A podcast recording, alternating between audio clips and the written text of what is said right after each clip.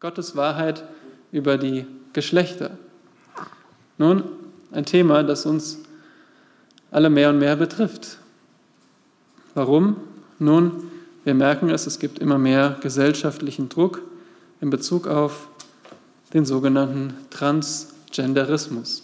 Transgenderismus, ganz kurz zusammengefasst, ist die Vorstellung von zwei Dingen. Erstens, es gibt einen Unterschied zwischen deinem biologischen Geschlecht und dem Geschlecht, was du fühlst oder wie du glaubst oder denkst, dass du bist. Also deine eigene Meinung bestimmt die Wahrheit, wer du bist.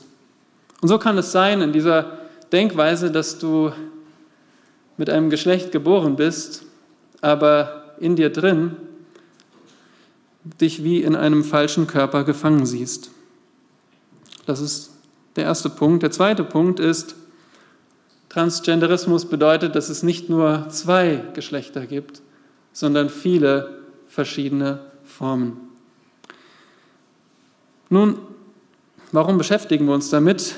Nun, es gibt auch sogenannte Christen, die folgendermaßen denken, die zum Beispiel sagen, naja, Transgenderismus, warum müssen wir darüber reden? Ist das nicht irgendwie ein Randthema? Es gibt auch viel wichtigere Dinge, zum Beispiel, dass Gott alle Menschen liebt, dass Jesus der Retter ist.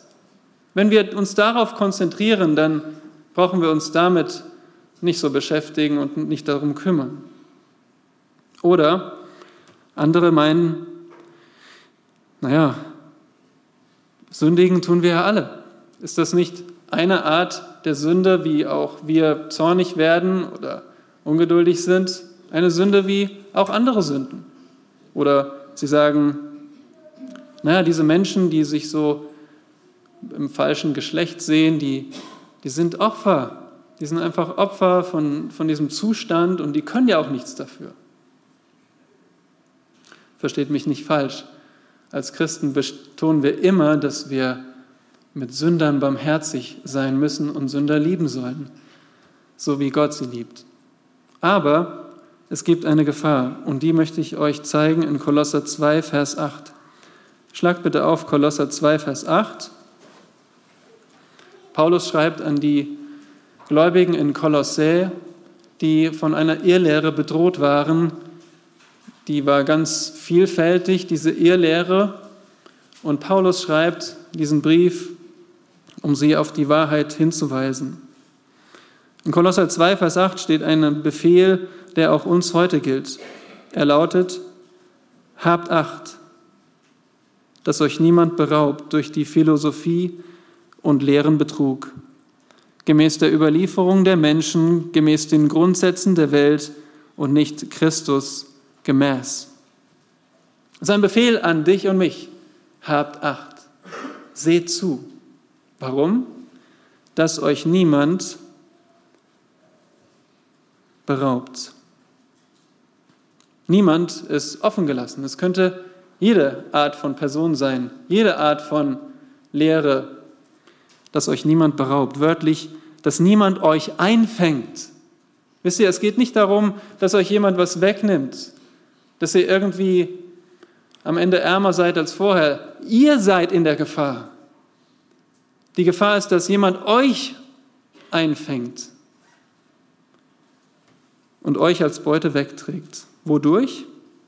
Paulus sagt, durch die Philosophie. Philosophie ist, bedeutet eine Weltanschauung, bedeutet die Welt zu erklären, bedeutet die Fragen des Lebens zu beantworten. Und da sehen wir den Transgenderismus als eine Weltanschauung, als eine Weltanschauung, die sagt, ich kann meine Identität selbst bestimmen. Ich weiß die Wahrheit in mir drin darüber, wer ich bin. Das ist eine Weltanschauung, die Gott als Schöpfer ablehnt. Ich schaffe mir selbst meine Identität. Und so ist der Transgenderismus nichts anderes als eine dieser Philosophien, vor die Paulus, vor die Paulus uns warnt. Es ist leerer Betrug. Ihr werdet betrogen. Zweitens, gemäß der Überlieferung der Menschen Überlieferung bedeutet etwas, das weitergegeben wird. Und so sehen wir, dass Transgenderismus nichts Neues ist. Es ist schon so alt wie die Zeit von Mose, als die Israeliten auf dem Weg nach Kanaan waren. Kanaan war durch und durch verdorben und Gottes Gericht war, dass die Israeliten dieses Land eroberten. In 5. Mose Kapitel 22, Vers 5 heißt es, eine Frau soll keine Männersachen an sich haben und ein Mann soll keine Frauenkleider anziehen.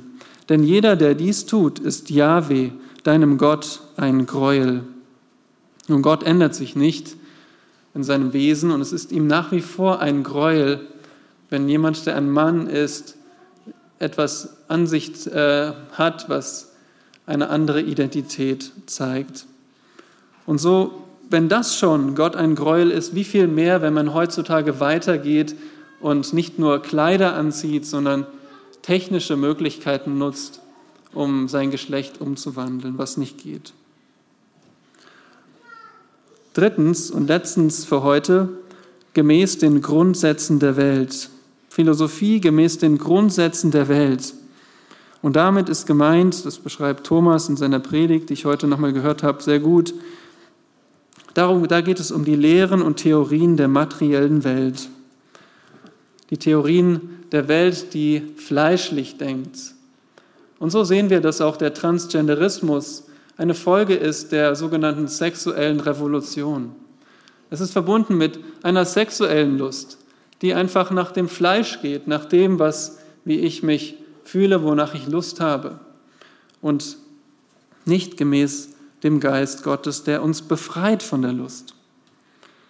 Und so möchte ich enden, einfach euch zu sagen, dass wir nach wie vor barmherzig sein wollen mit Sündern, mit einzelnen Menschen, die gefangen sind durch ihre Sünde. Aber dennoch können wir nicht diese Weltanschauung in irgendeiner Weise gutheißen oder, oder in Anspruch nehmen. Wir müssen klar und deutlich davor warnen, dass das uns selbst berauben und gefangen nehmen kann. Und nächstes Mal wollen wir sehen, wollen wir uns die letzten Worte anschauen, die letzten drei Worte und nicht Christus gemäß und damit auf unseren Herrn Jesus Christus blicken.